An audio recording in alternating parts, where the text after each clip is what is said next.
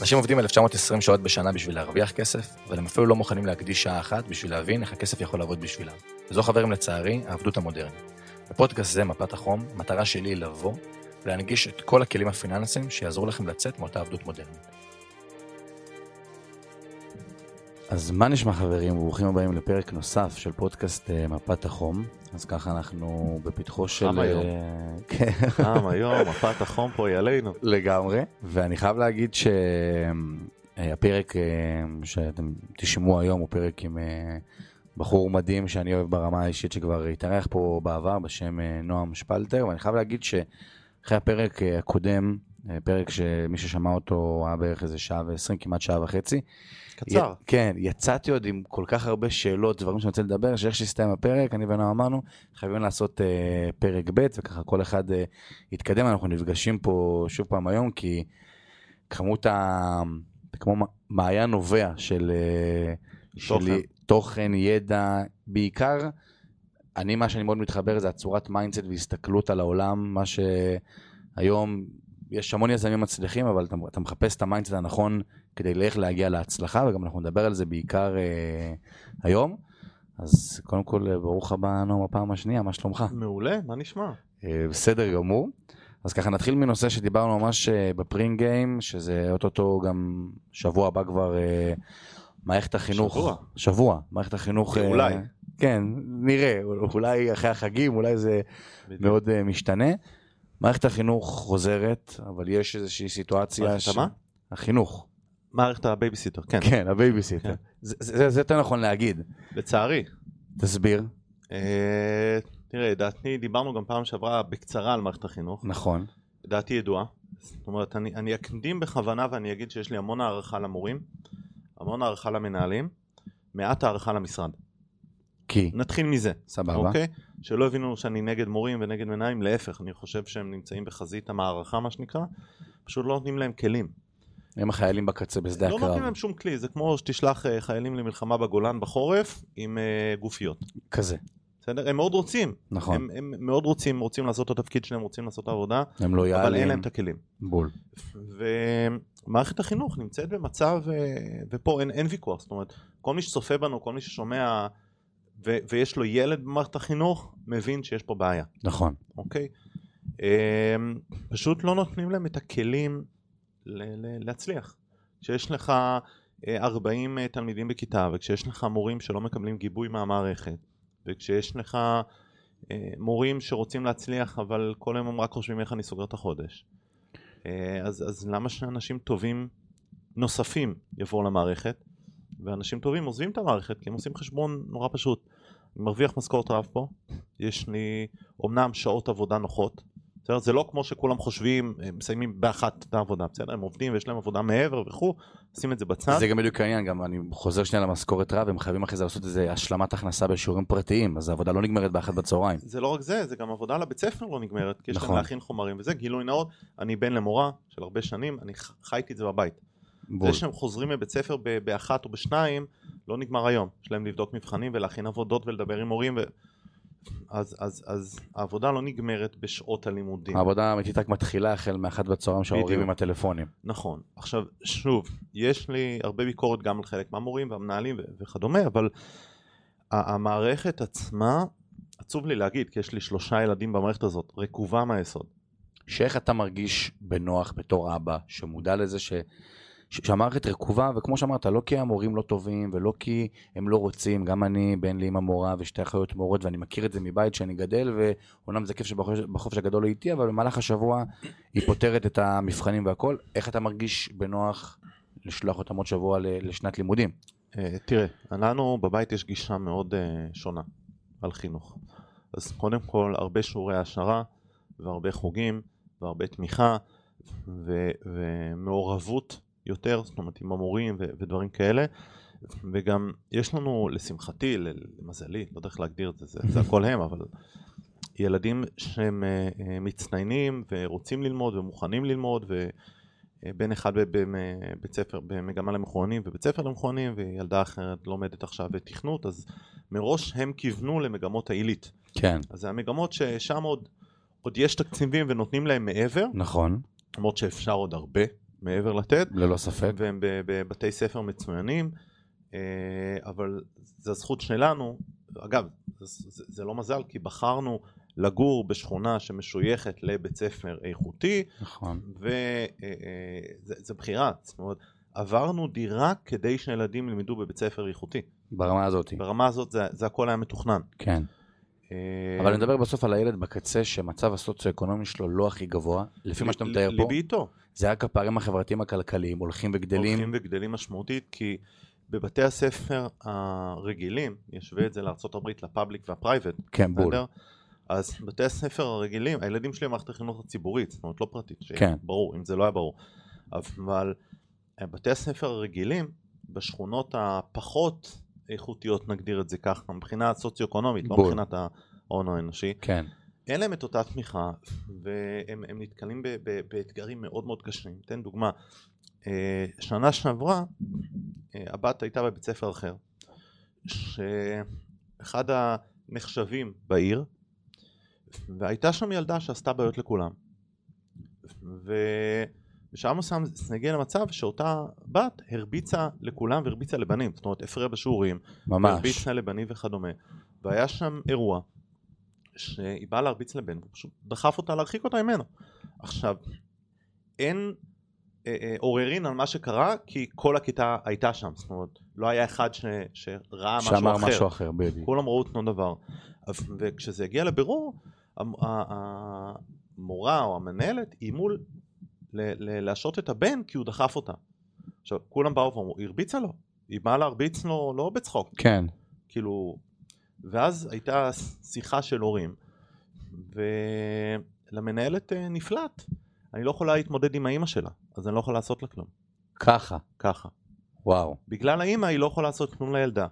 עכשיו, בבית ספר אחר, בתקופה שלי, תקשיב, בתקופה שלי מישהו היה מרים את היד ב- על מישהו, זה שבוע תשב בבית תירגע, נכון. ולא מעניין אותם ההורים. היום זה... אין להם היום כלים לתמוך, וכששאלו את המנהלת, זה אמרה, אין, אין לי גב להתמודד איתה, אני לא יכולה לשעות אותה, אין לי גב. כי המערכת מעליה, כי העירייה... המערכת מעליה, כאילו, את לא יכולה להעיף ילדה מבית ספר. ניסו להעיף אותה פעם אחת, אף בית ספר אחר לא רצה לקבל אותה. עכשיו, הכלל אומר שאם אף בית ספר לא רוצה לקבל, אתה לא יכול להעיף, נכון, כי אם חוק חינוך חובה. נכון. אז הם תקועים, והם לא יכולים לטפל, ושאר הכיתה ירדה. עכשיו, אני מכיר ילד אחר באותה כיתה, שכל הזמן רב איתה. אותה ילדה לא נתנה לו ללמוד, הפריעה לו בזה, הוא עבר כיתה, פתאום הוא פרח. הוא פרח, למד, הולך למגמה של, של מצטיינים פתאום, בגלל שהמערכת לא נתנה למורה ולמנהלת גיבוי. גיבור. והמורה אמרה, אין לי איך להתמודד איתה. אה, פשוט... היא אמרה, אוף רקורד, היא אמרה, אין לי איך להתמודד איתה. כן, הרימה ידיים. זאת המערכת.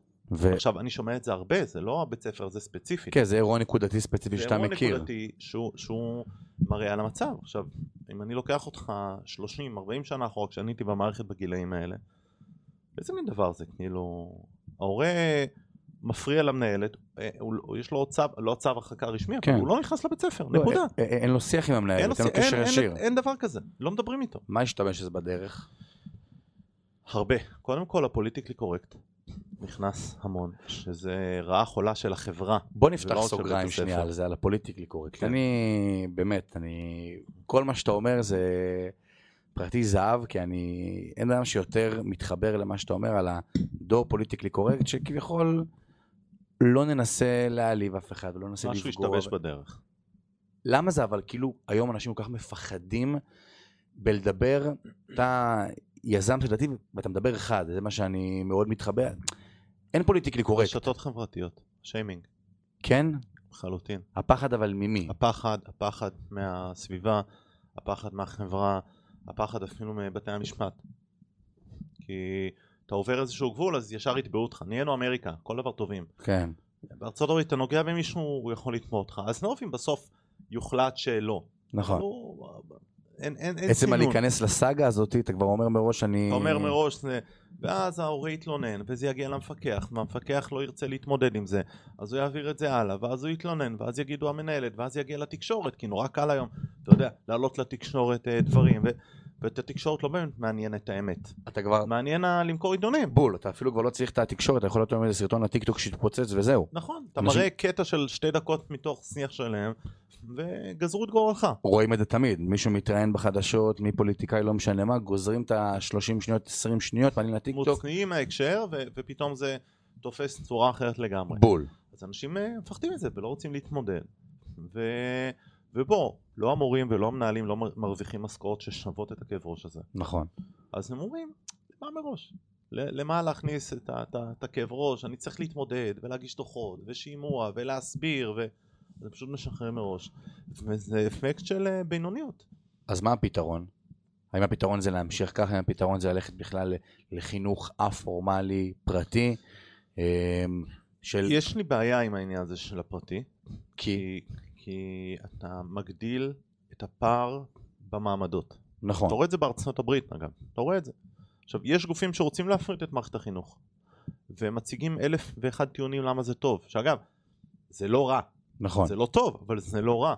מצד שני, זה יגדיל את הפער שגם ככה הוא, הוא קשוח בחברה, ובעיקר בחברה שלנו, ש, שמשנה לשנה אתה רואה את הפער הזה הולך וגדל. ללא ספק. ב- בקצב. זאת אומרת, אחד הדברים שראו בארצות הברית ב-20 שנים האחרונות, בישראל מה לעשות, כוכב נוסף בדגל, בשלב מסוים הכל מגיע הנה בדיליי, לגמרי. הפערים הולכים וגדלים, ומעמד הביניים הולך ומצטמצם. והקורונה עשתה פיק לזה, כן, מעמד הקורונה הביניים הגדילה. מאוד מאוד הצטמצם, ורוב מעמד הביניים נהיה עני יותר, מעטים עלו למעלה. נכון. מי אבל שיודע מעמד לעשות... הביניים מצטמצם. זאת אומרת, צופים שלנו, תסתכלו ימינה-שמאלה. מעמד הביניים הולך ומצטמצם. הבעיה, ויש לזה מיליון סיבות, דיברנו על זה גם קודם, נכון. נכון. שליטה וכו', שהרוב יורדים למטה, לא עולים למעלה. אז בוא נדבר על זה שנייה, כי דיברנו על זה, מה שנקרא, שהמיקרופונים עדיין לא היו דולקים, על, על נושא השליטה. זה, האמרה הזאת היא הכי לא פוליטיקלי קורית, ואני הכי גם מסכים איתה. הנושא שליט- הזה, שליטה בהמונים. שמה, שיש אה, אינטרס מובהק לממשלות, תאגידים מסוימים, לבצע אה, חוסר חינוך מסוים כדי שאוכלוסייה אתן לך כן, מסוימת... דוגמה, בסדר? דוגמאות זה טוב, הערה ואז דוגמה. זה טוב. עד לפני 10-15 שנה, מי ששלט במוחות של האנשים הייתה העיתונות והטלוויזיה, נכון? נכון, עיתונות וטלוויזיה, מה שהם רצו שיראו, זה מה שראו. לגמרי, לפני עשר שנים בערך הכל השתנה וזה הפך להיות לרשתות הסושיאל. נכון. מי ששולט היום במוחות של האנשים, פייסבוק, אינסטגרם, לינקדאין, יוטיוב, הרש... החברות הגדולות, נכון, הן שולטות. מי שמניע אותם, מי ששולט בהם, שולט בתקשורת. שזה גם אוקיי. הפחד של כל הממשל האמריקאי שהם, כולם. נכון, עכשיו, יש משפט נורא מצחיק של ניומן מסיינפלד. Who who controls the mail controls the information. עכשיו זה היה נכון לשנות ה-80, נכון, כי הכל קיבלת בדואר. נכון, היום, מי ששולט ברשתות החברתיות, שולט במידע. אתן לך את הדוגמה הטובה ביותר. אוקיי, אנחנו נמצאים היום, שנת 23, כבר דברים יצאו, כבר מבינים, כבר יודעים. יודעים אחד שהקורונה, התקשורת השתמשה, או גופים מסחרים רלוונטיים השתמשו בתקשורת כדי להשתיק את אלה שבאו ואמרו זה לא כזה נורא, את אלה שבאו ואמרו תירגעו, את אלה שכל המתנגדי קורונה. שאגב עכשיו, גם זה לא שאני היום, אומר שהקורונה זה לא מחלה אמיתית, זה אמיתי, כמו שפעת, אבל לא היום כמו שעשו בדיעבד אותה. יודעים שזה היה שפעת חמורה, נכון, בדיעבד יודעים. אבל השתיקו את כל מי שדיבר אחרת, גרמו לכל מי שדיבר אחרת לראות כמוקצה, הוא, הוא לחלוטין. נגד האנושות וצריך להכות אותו מהציבור ולא צריך להתייחס אליו עד היום בארוחות שלי שאני יושב עם, ה- עם ההורים שלי אבא שלי כבר מודה אימא שלי ק- יודעת שזה נכון אבל קשה לה להודות שהיא הייתה גם אני מרגיש כמו כבש בתחקירים בסנאט ובקונגרס, אה, גם חברות הפארמה וגם פוליטיקאים הודו שלא היה להם את כל המידע ושהם פעלו מתוך אה, אה, מניעים אה, אה, לא טהוריים. שמי והפעילו של מי אותם. המניע הגדול ב- חברות התרופות. הם הם אלה חברות שהניעו התרופות יש להם אינטרס, תקשיב, חברות התרופות, לך תראה בנטפליקס עכשיו את כל מגפת האפיואידים, בסדר? רואים שחברות התרופות עושים מה שהם רוצים, ובסופו של דבר מישהו מרוויח מזה, זה תמיד ובסופו של דבר כמו, בוא לא נלך לארצות הברית, בארץ, מי שאחראי לבנקים, יום שאחרי שהוא פורש עובד בבנקים. נכון זה שיקול נורא פשוט, אגואיסטי. אם אני אכנס בכל הבנקים אין לי עבודה יום אחרי. אם אני אעלים עין פה, אני אעלים עין שם, יש לי עבודה מאובטחת יום אחרי. זה- וזה לא עבודה ב-15,000 שקל, זה ב-60-70 אלף שקל בשביל רבע משרה. ובאמת רואים בסדר. שמתוך 24 נגידי בנק ישראל האחרונים, 23 הלכו להיות מנכ"לי בנק, פועלים, דיסקונט לאומי, הבינלאומי, מזרחי. זה, זה העולם, בסדר? זה העולם שאנחנו חיים. ולכן, אם אני חוזר ל- לשאלה, יש אינטרס מאוד גדול לשלוט בקהל. כי מי ששולט בקהל, שולט בכסף. ומדובר פה על המון כסף. המון, המון המון. כסף. ואם אתה שולט באמצעי התקשורת, אתה שולט ב- ב- בקהל. בואו נלך רגע לקלחת שלנו, בסדר? הקימו עיתון ששייך לימין, שתומך בצד כזה או אחר. בסדר? כן. למה הקימו אותו, עיתון שהוא נהיה חינמי, יומיומי וכו', בסדר? זה לא סוד שישראל היום, כשהקימו אותו, נטה יותר ימינה. נכון. כי היה את הארץ שנטה שמאלה. נכון. אז אתה חייב לשלוט במידע שהציבור מקבל. אם אתה פותח היום את עיתון הארץ, ואתה פותח את עיתון ישראל היום, או אתה פותח את ערוץ 14, או אתה פותח את ערוץ 12, אתה מרגיש כאילו אתה במדינה אחרת לגמרי. אחרת לגמרי. לגמרי. אחרת לגמרי. וזה בדיוק המידע. כי מאיפה אתה מקבל היום את המידע? מה, מהדאטה שאתה, שאתה מקבל, מהתקשורת. וכמי שעבד הרבה שנים בתקשורת, בסדר? והייתי כתב כלכלי וכדומה, אה, אה, ולשמחתי הייתי כתב כלכלי ברדיו תל אביב, אמנם זו הייתה תקופה אחרת, המנכ"ל מעולם לא התערב במה שאני מדבר עליו ו- וביקורת שאני נותן וכדומה. היום לפי עדויות של כתבים, הם לא יכולים להגיד כל מה שהם רוצים, כי הם חייבים להתיישר על לפי- פי הדף מסרים לפי הדף הכולל. מסרים הכולל של הבעלים, של המפקד, ואתה רואה את זה, ואתה רואה עיתונאים שעוזבים עיתונות ואומרים, אני לא מוכן להתיישר לפי דף המסרים הזה. אז מה היום הבן אדם שצורך את התקשורת, איך הוא יכול בכל זאת, על אף כל הדברים, להיות יש בעיה ביקורתי? מאוד קשה. יש בעיה מאוד קשה. שתיים, כל מה שקוראים צריכים אה, קריאה ביקור, ביקורתית. תשאל את עצמך, א', האינטרס של מי זה? מי המרואיין ואיפה זה מפורסם. אתה יודע, בעבר, א- אשתי עשתה תואר ראשון שלי ביולוגיה, והיא תמיד שואלת שאלות וכו'. ותמיד הייתי אומר לה, אה, קראתי את המאמר האחרון שהם עצרו. מי כתב אותו? מי מרואיין בו? מי מימן אותו? אחרי זה נדבר על מה כתוב בו. הבנתי. כי אם חברת תרופות מאמנת את המאמר ואת הרופאים, ברור לך שהיא תרשום על, דעה על, על, על מסוימת. מה זה יהיה כתוב. כן. זאת אומרת, ואם, אם, זה מישהו שסתם דוגמה, מי שמתנגד לחיסונים, הוא יהיה קיצוני לכיוון התנגדות חיסונים. נכון. חברות התרופות יגידו שזה הדבר הכי טוב, כן. והיום בדיעבד יודעים, אם כבר הזכרנו את החיסונים, נכון. מנכ"ל פייזר אוסטרליה הודה בפני הקונגרס שעובדי פייזר קיבלו חיסונים אחרים לגמרי. מנכ"ל פייזר העולמית ששאלו אותו אם הוא קיבל חיסון בנגלה הראשונה, הוא אמר אני לא רציתי לקצר את התור אז עדיין לא לקחתי חיסון. בחייאת, כזה. אתה מנכ"ל חברת התרופות שפיתחה את התרופה. אז איך... בוא, אה, אה, כאילו אל תשכנע אותי ב- ב- לא רצית לנצל את את זה שאתה מנכ"ל אה, לקצר תורים. כן. יש פה המון המון דברים ש... ש...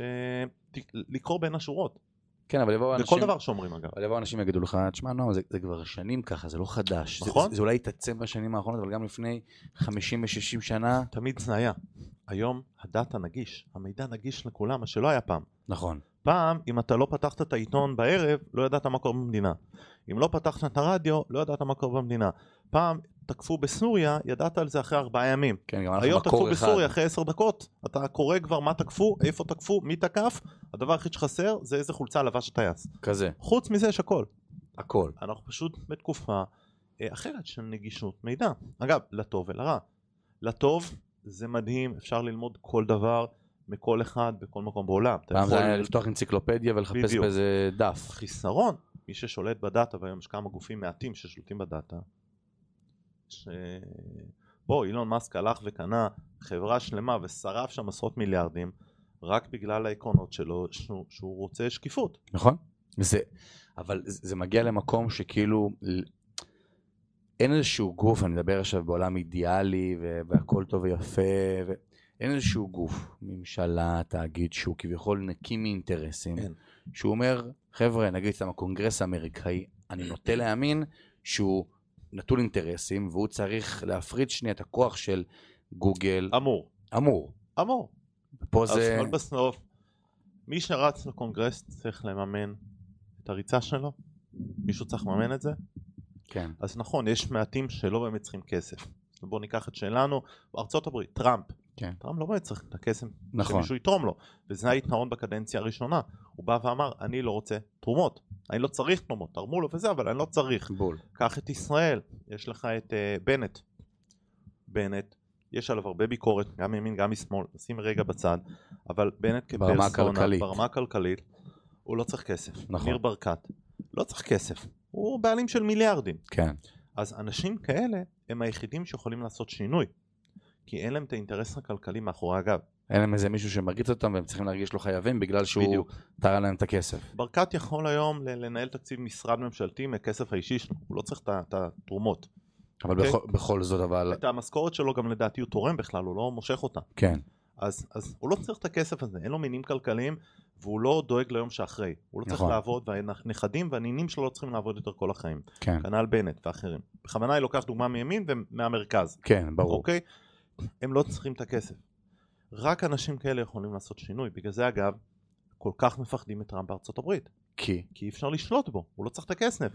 ביידן, היום כבר יודעים, הדברים יצאו מזה. הוא הוא קיבל אה, לכאורה תרומות מאוקראינה ומרוסיה ו- ומאיראן ויודעים את הקשרים שלו היום, יודעים את הקשרים של הבן שלו. יש הקלטות של הבן שלו, שכאילו, מה הבן שלו מוכר? את- את הקשר לממשל. כן, בסוף זה הכל כסף. שזה... כן. בסוף זה הכל כסף, ה- הכל בסוף יוצא. אגב, בבחירות האחרונות הכל היה ידוע, דיברנו על התקשורת. נכון. התקשורת מחקה את, ה... את כל הסיפור עם הבן של ביידן, נכון, גם עם הפדופיליה וגם עם הכסף וגם עם הסמים והכל, כדי לא לפגוע בסיכויי הבחירות של המועמד שתומך בהם.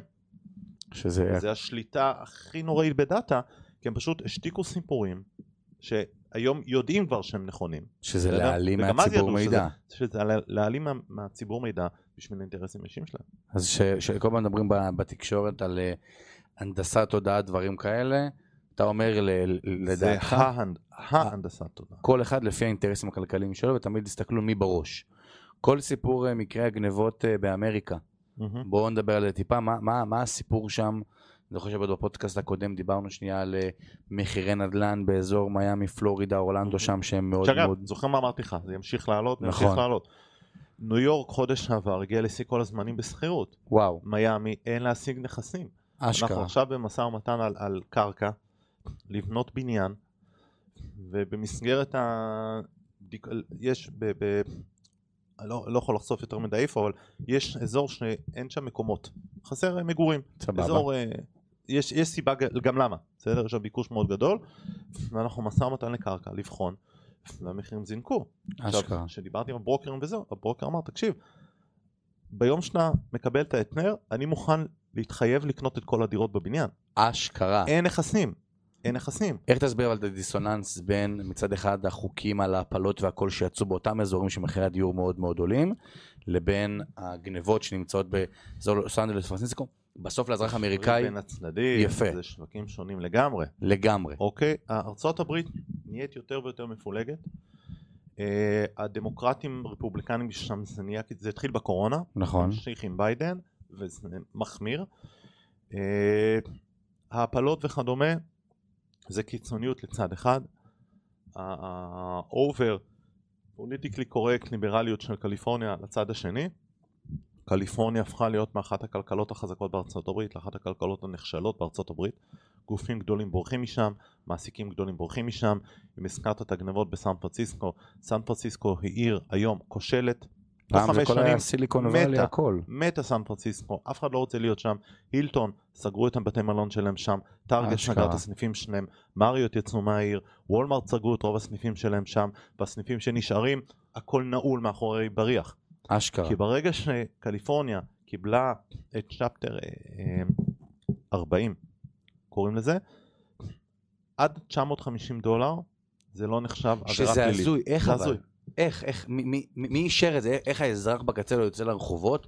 אני רואה סרטונים, הזוי, זה הזוי, זה הזוי, זה הזוי. שיניתי עזוב. את ה-VPN שלי בטיקטוק לארצות הברית כדי שאני אתחיל לטרגט משם, אני רואה אנשים יוצאים מ- מגוצ'י ובלנסיאגה ודיור ואנשים, ואסור לשומר לגעת בהם. כלום. אם השומר שם, ל- למה טארגט החליטה לצאת מ- מסן פרנסיסקו? אחד מהסניפים של טארגט הגיע הומלס, בא לגנוב, השומר עצר אותו, עצר אותו, בכוח. כן, ההוא בא לי אה, להפעיל כוח, אז השומר נתן לו מכה, סבבה. אה, נתן לו מכה ביד להפיל את ה... יש סרטון שמסתובב, ובצדק, ובצדק, בוא, הוא גנב ציוד ב-900 דולר, נכון. ההומלס לקח עורך דין, תבע את טארגט, שילמו לו מיליון וחצי דולר פיצויים, וואו. טארגט אמרו הבנו שלום, לא רוצים להיות פה. זה, זה הזוי, גם לא בדוחות רוצים שלהם להיות בבורסה רואים שהגנבות הוזנקו בכמה וזה הפסד, הפסד שבסוף משפיע זה על הפסד. החברה עצמה. נכון. עכשיו, זה, זה גם לופ שלם, כי ברגע שרשתות כאלה יוצאות מה, מהעיר, נכון, זה פוגע בתושבים השלג. בסופו של דבר. אפקט כדור השלג. פוגע בתושבים. אז בסוף לאזרח האמריקאי הוא כביכול אומר, ואני מקשר את זה על אף שזה שני התחומים שונים, הוא אומר אין לי בעיה לעבור נגיד מסן פרנסיסקו לגור באזור אה, פלורידה, אורלנדו והכל, על אף החוקים שיש שם בכל נושא אה. ה... נכון. הוא בסוף אומר, העניין הכספי יותר מפריע לי מהעניין ה... אה, עכשיו אני אגיד לך עוד יותר. עכשיו חזרתי מחודש וחצי בארצות הברית. יצא לי לדבר עם המון אנשים, ו- וכמו בעיקר פלורידה, מזרח ארצות הברית. סבבה. גם במדינות דמוקרטיות וגם רפובליקניות. ובאחת מהשיחות דיברתי עם אחד האנשים על החוקים של ההפלות וזה, אז הוא אומר נכון אסור, אם אתה תושב פלורידה אסור לך להפיל ואסור לך זה. אז הוא אמר תקשיב התקשורת עושה הרבה דברים ומעלה את זה אסור, הוא אמר אבל נניח ומי שרוצה הפלה. בארצות הברית זה נורא קל לעבור, אתה פשוט עובר למדינה אחרת, כן. עובר דירה. אז הוא מבחינתם אמר זה בשבוע כאילו... אתה עובר דירה, אתה לא צריך יותר מדי לשמור את הראש. כן. אתה עובר דירה, או שאתה נוסע למדינה אחרת ואף אחד לא יודע. אתה לא צריך להצהיר כל דבר. הוא אומר, יש פתרונות לזה, אז לוקחים את, ה- את הטוב עם הרע, ויודעים לאזן את זה. מה הפתרון של זה מהסן פרנסיסקו, לוס אנג'לס, כל אלה הולכות למדינות, כאילו... סן פרנסיסקו כבר אה, מתה. זאת אומרת, זהו. סן פרנסיסקו זאת עיר נחשלת עם הומלסים, עם עבריינים, אה, כל מי שהייתה לו את האפשרות לצאת משם יצא משם. אה, אני מכיר חברים ממשפחה שגרו שם, פשוט יצאו מהעיר, אמרו וואלה. אנחנו לא מסוגלים להיות בעיר. אה, בדאונטון בכלל יש אפס, אפס הרגשת ביטחון, אין אכיפה, בעיר. כלום. אין אכיפה, שוטרים, לקחו להם את ה- את ה... לשוטר אסור לפנות להומלס. זה זה הזוי. זה אבסורד, אתה- אסור לפנות. הומלס עושה משהו, שוטר יעמוד ליד ויעשה כל עוד אין סיכון חיים. once יש סיכון חיים, מותר לו טייזר. הזוי. זהו, זה מה מותר לו. הזוי. וזה אבסורד. כן. וזה התחיל עם ה-Black Lives Matter, וזה המשיך עם האובר ליברליות, וכולם רצו להיות uh, בתקשורת כאילו שיאהבו אותם עם כל הליברליות ולא לפגוע בזה, והם נפגעו מזה בסופו של דבר. שאנחנו רואים שבסוף, אגב, גם אה, נלך ל- ל- ל- לשווקים בסוף צריכים אחרים. סדר. וסדר, עצוב לי להגיד את זה, אבל סדר נקבע על ידי כוח. מה לעשות? זה מה שאנשים... בין אם זה כוח משפטי או כוח פיזי. נכון. אבל נכון. אם אתה נותן כוח משפטי ולא אוכף אותו, אז מה זה שווה? כן, שאלת, שאל מלא ישראלים כמה הם מאמינים בבית המשפט. בישראל. בישראל. יש כוח, יש חוקים, לא נכון. אוכפים אותם. שזה... אז למה שמישהו יסמוך עליהם? למה שמישהו יאמין בזה? נכון. ולמה שמישהו יגיש תביעות כי הוא לא סומך על בית המשפט? ולמה שאנשים, ואחר כך מתפלאים, למה יש גופים שרוצים לעשות רפורמה? עכשיו שלא תבין לא נכון, אני חושב שהרפורמה נוראית בדרך שעושים אותה. כן. היא נדרשת. לא בצורה הזאת ולא בקיצוניות הזאת. כי מה? כי זה אצבע בעין פשוט לבוא לתת לאנשים? כי האנשים לא סומכים על בית המשפט. ואם לא סומכים על בית המשפט צריך לעשות משהו נכון. כדי להחזיר את האמון.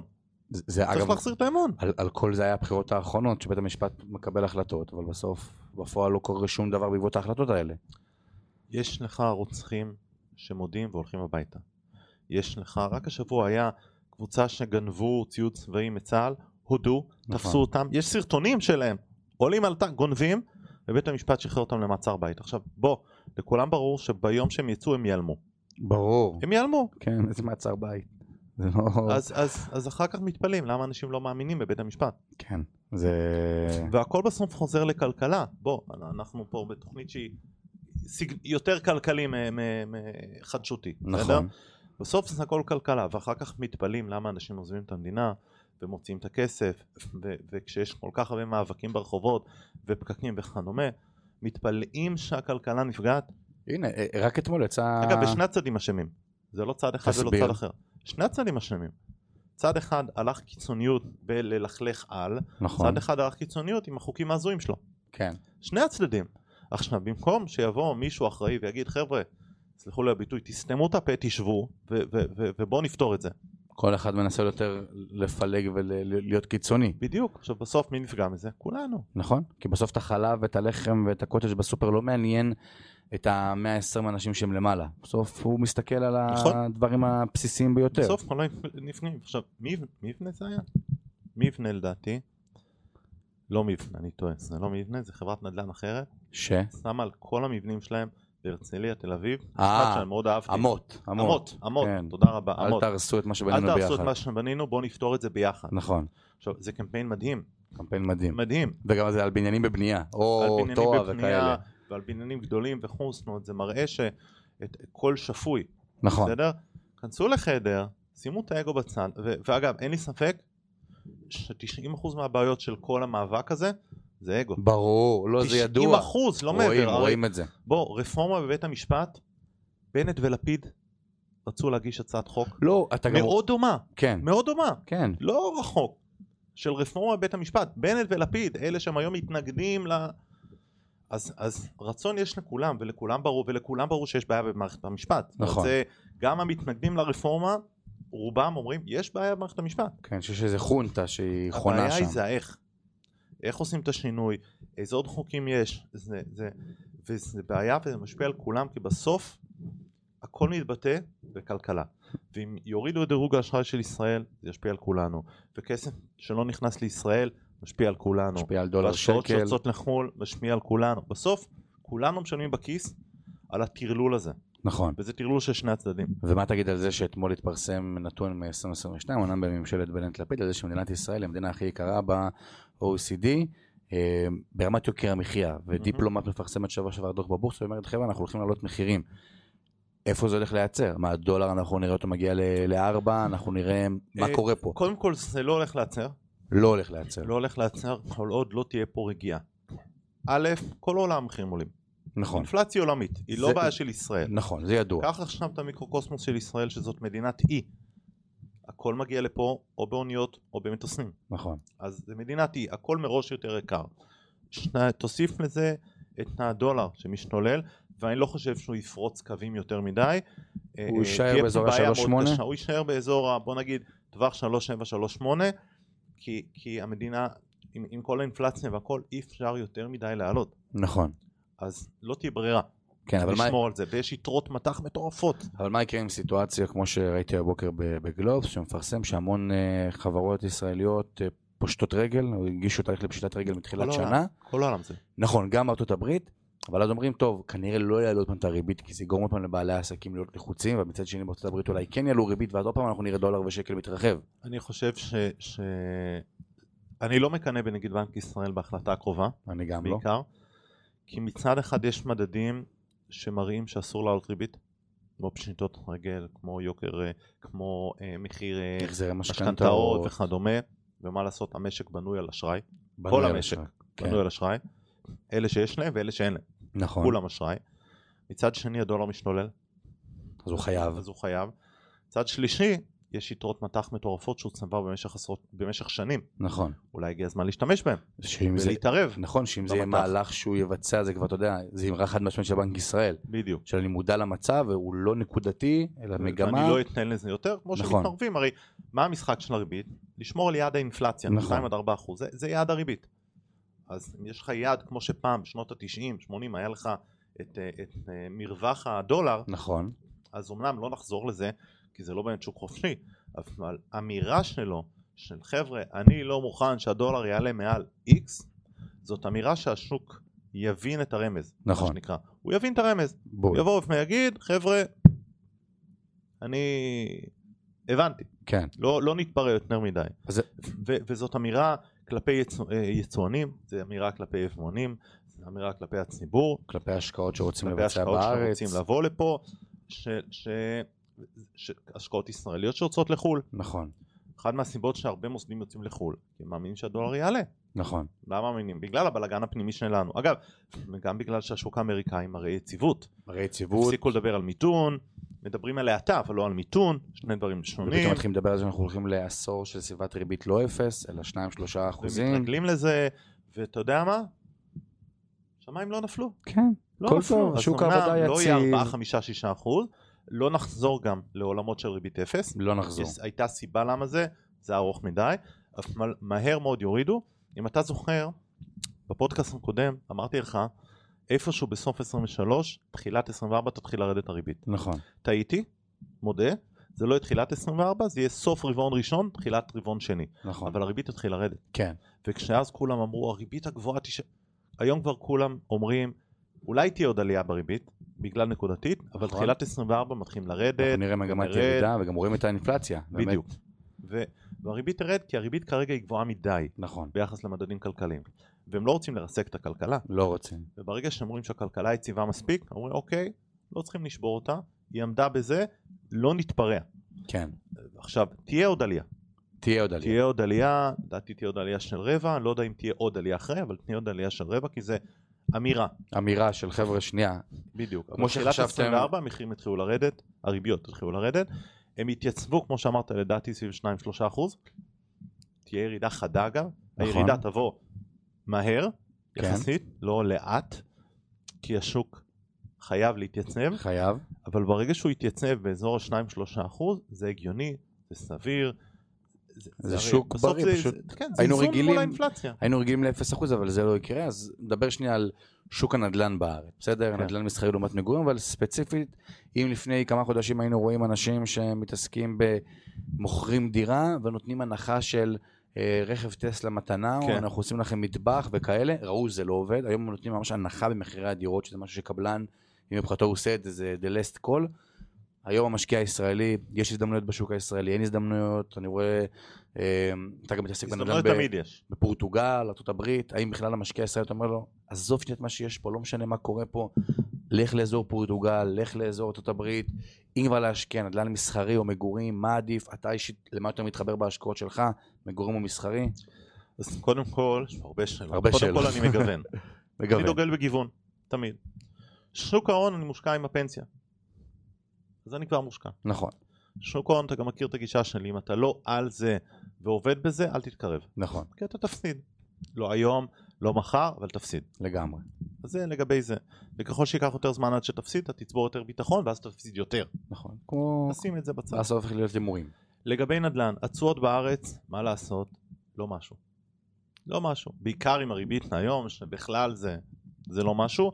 מי שהיום הולך לקנות דירה בתל אביב בשקלול הריבית ו- והחזר משכנתות, הוא בריבית שלילית. נכון, כי השכירות היא 2%, הריבית שלך היא 4%, 5%, אתה מפסיד כסף אבל כל אנשים שנה. יגידו לך בסדר, אבל נועם, מחירי הדירות מאוד מאוד עלו בעשור האחרון, אני אישית מאמין שאנחנו לא השעיה, נראה לא. עוד, לא יהיה עליות כאלה. אני גם אגב, מאמין, זה יתייצב לעליות סבירות. נכון, תמיד יהיו עליות, נדל"ן תמיד יעלה, מסיבה נורא פשוטה. כל שנה יש יותר אנשים משנה כן, קודם. ביקוש קשיח, כל שנה. אז באזורי הביקוש תמיד יהיה עליות. נכון, גוש דן יעלה תמיד, האם הוא יעלה אחוז בשנה, ארבעה אחוז בשנה, תמיד יהיה. האם יהיו עליות כמו שהיינו רגילים? לא, לא. כי לא נחזור לריבית אפס. נכון. העליות היו בגלל הריבית אפס. שזה, שתדלקה. שזה אמרה שכל מי שמשקיע בנדל"ן צריך להבין את זה, כמו שאמרת, אתה מקבל 2-3 אחוזי תשואה משכירות, נגיד אפילו עלייה בערך הדירה של עוד 2 אחוז, הגעת ל-5 אחוזים שנתי, זה מה שאתה משלם את הריבית. וכאילו אנשים לא מבינים שאתה הם לא אפילו... ב... מבינים. ואז יש את האמרה, כן, אבל בעוד 20 שנה תהיה לי דירה משלי.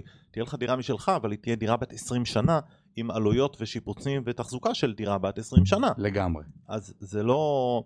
אין, אין, אין בזה היגיון. סבבה. בתשואות כאלה. במסחרי בארץ התשואות הן קצת יותר גבוהות, הם גם התפעול קצת יותר נוח, כי בדרך כלל הסוחר צריך לדאוג לעצמו, נכון, אז, אז התשואות קצת יותר, סביב 8%, בוא נגיד, אה, אם עשית עסקה טובה, 8-9%, זה כבר מתחיל להיות מעניין. נכון? שזה כבר מעניין, בעיקר, אבל היום שוב, החלופות בבנקים, 5%, אז, אז עדיין בדיוק. אה, אבל לא זה- משהו, זה עוד אבל עובר זה- בגרון עם איזה שלוק זה מים. נכס, בדיוק, זה נכס. לגמרי. גילוי נאות, יש לי לא מעט נכסים מסחרים בישראל, כשמראש הראייה שלי זה נכסים לילדים. כי ברור לי שאני לא... כן, 8, 9, 10 אחוז אפילו שאני יודע להשיג בארץ, זה וואו, לא וואו, כן, בסדר? זה, זה מחזיק את עצמו. לגמרי. אז זה לילדים. שיגמור את ההלוואה זה הולך לילדים.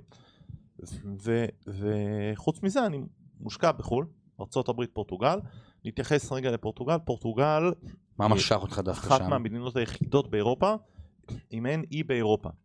פורטוגל לא נהנתה מהעשור האחרון של העליות המטורפות באירופה.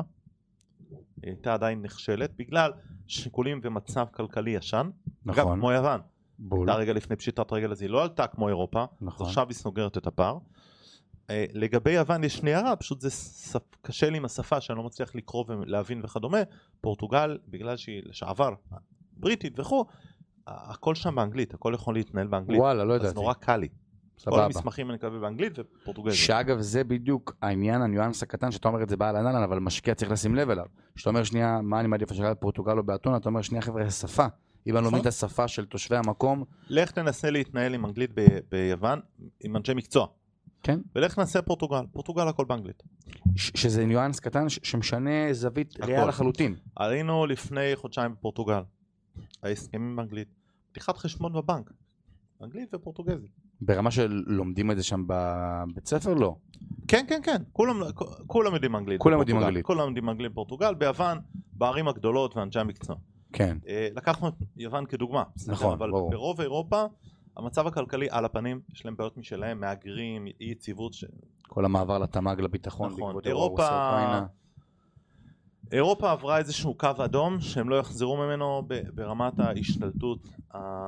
לא נהיה פוליטיקה, ההשתלטות המוסלמית על אירופה עברה קו אדום ויש להם הרבה בעיות פנים עכשיו. הרבה. ו... וזה יש בסוף זה ממש- מתבטא בכלכלה. אני הייתי ב- בצרפת לפני ארבעה חודשים, בפריז, ויש שם ממש... יש שכונות שאסור לך להיכנס. נסעת במטרו, זה, אתה בג'נין. נכון. כן. כזה. יש כאילו, לך שכונות, פחד אימים. בפריז יש שתי שכונות היום, שאתה, גם בלונדון אגב, אתה לא יכול להיכנס, משטרה לא יכולה להיכנס בלי תיאום מוקדם עם האימאם. זה זה כזה. זה, זה, אה, זה היה מדהים. הזוי. פעם אחרונה שהייתי ב- ב- בפריז, אמרו לי, זה שכונה, כתוב, יש שם שלטים, צרפתית אומנם, שאלתי מה, הוא אמר, "אז זה, צריך לתאם עם האימאם כניסה. בול. הזוי. כן, ירדתי שתי תחנות אה, במטרו, הרגשתי שאני ב- בלב הקסבה. ו- וזה עצוב, בסדר? הם, בגלל הכל הפרוגרסיבי וכו', הם פתחו את הידיים, הם חשבו שאם המהגרים יגיעו, המהגרים הקיצוניים יגיעו אליהם, הם ישתנו, הם לא הבינו שהם לא משתנים. שזה זה, זה בתרבות. מנטליות אחרת, זה תרבות לגמרי. אחרת.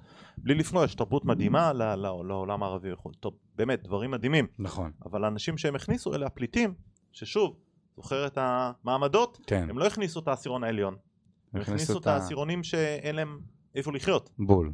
ו- וחוסר השכלה, ושליטה, וזה בדיוק העניין, ו- ורואים אוקיי. את זה הלכה למעשה, מה שמתרחש. רואים את זה הלכה למעשה. ואז באירופה יש הרבה בעיות, פורטוגל לא קלטה הרבה מהגרים, אתה רואה את ההבדל המשמעותי. למה היא לא קלטה הרבה מהגרים? כי מלכתחילה המצב הכלכלי לא היה משהו, אז לא היה המגרים להם לא מה רצו. להציע, בול. בדיוק, אז לא היה להם מה להציע, זה לא אז גרמניה, הם לא באו. צרפת, אה, הולנד. בדיוק, ביוון אגב יש הרבה מהגרים. נכון. אף מהראייה שלהם קצת שונה ולא לא, לא ניכנס לזה כרגע אז פורטוגל מאוד אהבנו גם כי היא, היא מדינה עם מזג אוויר מעולה רוב השנה נכון. גם כי היא לא עשתה את ההייפ הגדול של העליות אז עכשיו הם מתחילים את ההייפ גם כי הם מבחינה רגולטורית הם פרו משקיעים עדיין כן? צריכים את הכסף מבחוץ כן הם פרו משקיעים עם ברמה הטבות של מס, ו- הטבות הטבות מס, מס הטבות אה, הר- הרבה דברים למשקיעים זרים וואלה. ולכן הרבה משקיעים זרים באים לשם. הם עכשיו עצרו את הגולדן ויזה, אבל עדיין יש פתחים ש- פה ושם. שמה זה היה גולדן ויזה? שאם אתה משקיע בנכס נדל"ן מעל 350 אלף יורו, אתה מקבל אה, ויזת אה, תושבות. כמו שיש בקפריסין לצורך הדוגמה. כן. הבנתי, אז כזה. עכשיו הם עשו איזה שינוי בערים הגדולות, אבל עדיין יש גם לזה פתרונות. ו- שרוב ההשקעה שלכם מתבססת שם ב- בערים גדולות. אנחנו עובדים בפורטו, התמקדנו בעיר פורטו, מאוד אוהבים אותה, עיר מהממת, עיר עתיקה עם המון היסטוריה. יש מימונים? נותנים יש מימונים? ל- מימון, מקבלים מימון בנקאי, ויש מאוד פרו משקיעים. אמרתי, וואלה. מאוד פרו משקיעים, והעירייה תומכת וכו', וההרגשה שם זה, זה שהעיר בפיגור של פיתוח של עשר שנים. מעין איזשהו כשל שוק כזה שיש שם אוקיי. נכון, בתוך נוצר קשר ש- גם שם וגם ב- בעוד ערים בפורטוגל, בכלל במדינה, אבל בערים הגדולות אתה עדיין לא, לא ראית את העליות שהיו בכל כל העולם, למעשה. בגלל המצב הכלכלי, ש... נכון, כשהם היו במשבר והעולם צמח, הם לא יכלו לצמוח, נכון. כמו יוון, שוב, בול. יוון, קפריסין וכו'. כן. אז, אז אה, מאוד אהבנו שם, וארצות הברית, זה ארצות הברית, כלכלה חזקה בעולם, תלוי גם איפה, כן? נכון. דיברנו קודם על, על קליפורניה, לא, לא הייתי מתקרב בכלל למדינה הזאת, ולא הייתי מתקרב בכלל למדינות אה, דמוקרטיות, וואלה. ברובן, אוקיי? כי יש שם אה, בעיות. ו- ואנחנו פעילים במזרח ארה"ב, הרוב זה במדינות רפובליקניות, כי הם הרבה יותר פרו משקיעים והרבה יותר קל לעשות שם והכל ו- ו- ויותר קל. יש לנו גם נכסים בניו יורק, מנהטן, אבל גם שם אני מתמקד בשכונות שעוד לא נפגעו במרכאות, זאת אומרת כן. כן. באפריסייד. אנחנו עובדים באפריסייד שזה כמו רמת אביב. זאת אומרת, גם אם יהיו לך מיליון מהגרים בתל אביב, רמת אביב זה רמת אביב. נכון. אז למרות שניו יורק די נכבשה, חזרתי לפני שבוע, נכבשה על ידי הומלסים ומהגרים, באמת? המצב שם החמיר? על הפנים, בחיים, והייתי בניו יורק עשרות פעמים. טיים סקוור והכל, מלא הומלסים. ה- ה- המצב הכי גרוע ש- שהייתי בו אי פעם בניו יורק. והייתי עשרות פעמים בעיר. גם ה- הקיצוניות שם, אתה יכול לראות גורד שחקים ומתחתיו איזה הומלס. אה, לחלוטין. עכשיו, העירייה שם, בגלל שהיא נורא פרוגרסיבית, דמוקרטית, היה, היה, הייתה הסכמה בין ראש עיריית ניו יורק לממשל ביידן, שהם יקלטו את כל המהגרים, והממשל ייתן כסף. וואלה. ייתן כסף לעיר לממן וכו'. הם הפכו בתי מלון שלמים למגורים להומלסים. בתי וואו. מלון שלמים כ- כמגורים להומלסים במימון העיר, כדי שהם לא יהיו ברחובות, אז מימנו להם. אז א', ההומלסים לא רוצים ללכת, גרים במלון, מה אכפת להם? ברור. ב', פגעו בכל הבלוק, בכל האזור של המלון, כי הם לא יושבים כל היום בחדר, אז הם מסתובבים בחוץ. ברור. אז יש לך פתאום אה, אה, אה, סמים ו- וכל מה שבא עם, עם הומלסים. עם הומלסים, בלי בסדר? לפגוע בהומלסים, אבל כן. ו... ו... ורק קרה דבר מאוד בעייתי, שהקונגרס, שיש לו רוב רפובליקני, שם ברקס לביידן, אז הוא לא יכול לשחרר את התקציב. Mm. אז עיריית ניו יורק פתאום נתקעה עם המון המון מהגרים, ובלי תקציב לתמוך בהם. אז, אה, ואתה רואה את זה ברחוב, בניקיון, ובאוכלוסייה, וחייב להגיד לך, זה לא היה נעים להסתובב בעיר. באפריסט, הלכתי לאפריסט, לנכסים שלנו ועוד שני בניינים שאנחנו קונים שם, סבבה. אתה מרגיש בטוח, ואתה מרגיש רגוע, וכשאתה יורד לדאונטאון, לא נעים, כן. כן. לא נעים בכלל. ש- שאתה- עכשיו, יש עדיין תחושת ביטחון, כי יש מלא שוטרים, ברור. אבל בכל זאת, אה, אה, ניו יורק זה לב... אה, נכון, ארצות לא הברית, נעים. הכל. לא נעים. לא נעים. בפעם הראשונה, חייב להגיד, פעם ראשונה שהסתובבתי בטיימסקור ושמרתי על הכיסים. כאילו כזה. ברמה כזאת, והחזקתי לילד את היד, של- שלא ילך לבד בשום מקרה, ולא נעים, כן. שזה תופעה רחבה, עכשיו- ולא רק בערב, לא רק בערב. לא רק בערב, כי בערב, וזה השונה, שזה השונה. לא רק בערב. ביום אתה מרגיש, כל העולם שם נמצא... גם ביום, ברגע שאתה יוצא מהרחוב המרכזי, נכון. נכון. יוצא מברודוויי, יוצא מהחמישית, לרחובות החוצים, ב- ל- לרחובות הפנימיים, פחות נעים. וואלה. אוקיי. אשאל אותך שאלה שככה, קצת אני עובר אה, נושא מה שדיברנו עד עכשיו. משהו שככה צף אה, מאנשי האינסטגרם לפני, ש... לפני הקלטת הפרק הזה. יש הרבה מאוד בעלי עסקים, שהם עסקים, הם בעלי עסקים איכותיים במהות שלהם, הם מקצועיים, ממישהי שעושה לק ג'ל לסלון יופי, למאמן מכירות, לא משנה מה, אבל הם לא יודעים לנהל עסק. ברמה תזרימית, ברמה פיננסית, הם, טוב, הם טובים, הם טאלנטים איכותיים. כאילו, אתה אומר, כ- כפרסונה הוא טוב במה שהוא עושה, הוא יודע, הוא, הוא מסאג'יסט טוב, הוא מאמן כושר טוב, אבל כשזה פוגש בלנהל עסק, הוא קורס. ואני רואה את זה בתופעה רחבה מכל מיני עסקים שצצו בשלוש-ארבע שנים האחרונות, שהטאלנטים הם טובים, הרצון הוא טוב, אבל בפועל הם אחרי שנתיים קורסים מגיעים למאזן שלילי כי הם לא מצליחים. מה הפתרון, איך אני יכול למנוע את זה, כשאני מקים עסק אני חייב לקחת איזה מישהו שילווה אותי ברמה הפיננסית, על מה זה קודם כל חונה? ללמוד. גם אם אתה לוקח איש מקצוע, אתה חייב להבין מה אתה עושה. ואתה יודע, אנחנו יש לנו סדנאות וקורסים ו- ו- ומלווים נכון. אנשי אה, עצמאים וחברות ו... וכו', והרבה פעמים באים אלינו אנשים ואומרים, אני לא רוצה לעשות את השיווק, אני לא רוצה לעשות את המכירות, אני לא רוצה לעשות את זה, למה שאני אבוא ללמוד? התשובה היא נורא פשוטה. זה שאתה מביא מישהו שעושה עבורך את הדברים, אם אתה לא תדע מה צריך לעשות, ואתה לא תבין את השפה, ואתה לא תדע איך עושים את זה, איך תדע לנהל אותו? איך תדע אם הוא טוב או לא? בול. איך תדע? ולכן, אתה חייב לי, אני לא עושה את השיווק שלי בעצמי, אבל אני יודע לעשות שיווק. אני לא עושה את המכירות בעצמי, אבל אני יודע לעשות מכירות. זאת אומרת, אני יודע, לדע, אני, אני יודע לנתח אם הוא טוב או לא אתה טוב. יודע גם לחנוך את הבן אדם שאתה אתה עכשיו יודע רוצה להדריך. גם, גם, אני יודע להגדיר לו מה אני רוצה. אם אני לא מבין שיווק, אני לא יודע להגיד לו, אני רוצה ככה, ו- לא יודע. ולכן, מי שמקים עסק חייב לדעת את הדברים האלה. חייב לדעת שיווק, חייב לדעת מכירות, חייב להבין פיננסים, חייב. אם אתה לא יודע לבוא למנהל אה, חשבונות, עורך חשבון, ולהגיד, אני רוצה דוח רבעוני. אני אני רוצ- רוצה לנתח את הדוח אני הרבעוני, רוצה כרטסת. אני רוצה השוואות, אני רוצה... דור רווח והפסד, להבין מתי אתה שנייה. מגלה את זה? בדוח השנתי. נכון. ואז זה מאוחר מדי. או אני רוצה לראות כמה מקדמות אני צריך לשלם למס הכנסה, אני משלם בדיוק. לביטוח לאומי, אני משלם הרבה, אני ואז משלם אתה מקבל קצת, פתאום איזה בום של 200 אלף שקל, כי סוף שנה. לא תכננת נכון. בול. אם אתה לא יודע לנהל את אנשי המקצוע, לא תצליח לצמוח, ובדרך כלל כשאתה מגלה בעיות תזרימיות, זה מאוחר מדי. ולרוב האנשים אין כיס אחר להזרים, אין. ואז הם נופלים. פשוט בגלל ניהול לא נכון, כי הם לא ידעו מה לשאול. אז כאילו שאני, שהיום אומרים הסטטיסטיקה של כל, אה, מתוך עשרה עסקים, תשעה עסקים אה, נסגרים בשנה הראשונה שלהם, זה לא נובע כי הם לא טובים בתור העסק עצמו, זה לא אומר שהבר הוא לא טוב, או המסעדה היא לא טובה, חצי מהם פשוט לא יודעים לנהל, לא יודעים לתזמז, ל- לנהל תזרים, לא יודעים לתמחר. עכשיו, כל הדברים האלה אפשר ללמוד. נכון. עכשיו, היום, דיברנו על זה קודם, אתה נמצא ב- בעולם של סושיאל, שהכל הכל נגיש, הכל... נגיש, הכל זה, כל אה, ילד יכול אה, להעלות קמפיין ולהיראות כאילו הוא אילון מאסק. מינימום אה, אילון מאסק, או מינימום אה, ראסל ברנסון וכאלה. או שייח שהוא לא מבין בדובאי. כלום. נכון. עשה איזה קורס ביוטיוב, ופתאום הוא מומחה שיווק. שזה אגב גם הפחד של המון אנשים לקחת שירות ממישהו מסוים, כי הם אומרים, כמו שאתה אומר, היום כל ילד יכול בתכלס לבוא, לזכור פה שעה באולפן, להקליט פודקאסט, לצטט מאיזה ספר שהוא קרא אתמול בבוקר של אה, רוברט בדיוק. קוואסקי, לערוך טוב, טיפה ממומן, לטוס במחלקת עסקים לדובאי, זהו. נכון. מבחינת האנשים, ואז אנשים אומרים, איך אני יכול לבחור מימין? קשה לי ללמוד את הנושא הזה, אני לא יודע מה. אתה מבין את הבעיה? ולכן צריכים לדעת מה רוצים, להבין מה, מה צריכים, שלא, אתה יודע, מי שאתמול סיים קורס, פתאום הוא מומחה גדול. נכון. כמה קמפיינים עשית? אני יכול לדבר עם אנשים שהצלחת להם בקמפיין. כמה תקציב ניהלת? איזה דברים עשית? איזה עסקים ניהלת? כמה זמן אתה? ילד בן 22 שיבוא ויגיד, יש לי ניסיון של 10 שנים. בוא, בחייאת. בסדר? עכשיו, ה- הסושיאל מאפשר את זה. נכון? ל- ללכת לשכור באלף דולר אה, מזרטי ולהצטלם בה כאילו היא שלך כאילו מאוד הצלחת בחיים.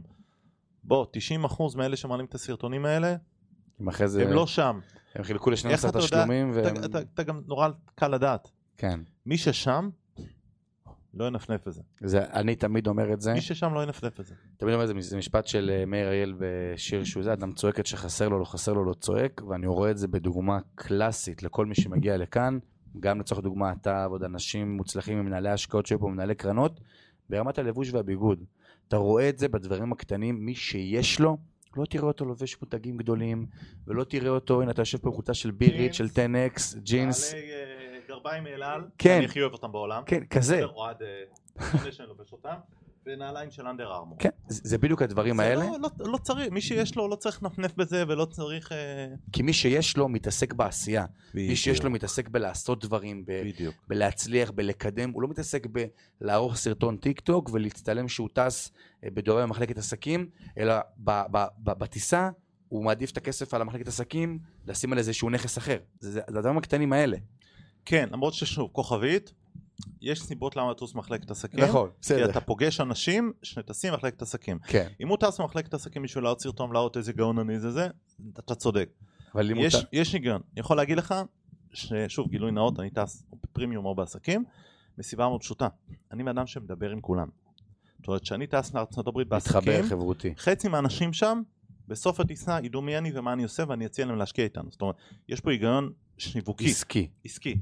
וכשאני טס, אז, אז אני טס בין היתר, כי אני יודע שאם אני נוחת ב-6 בבוקר, ב-8 וחצי אני במשרד עובד, אז אני חייב לישון טוב. נכון. זאת אומרת, יש פה עוד שיקולים.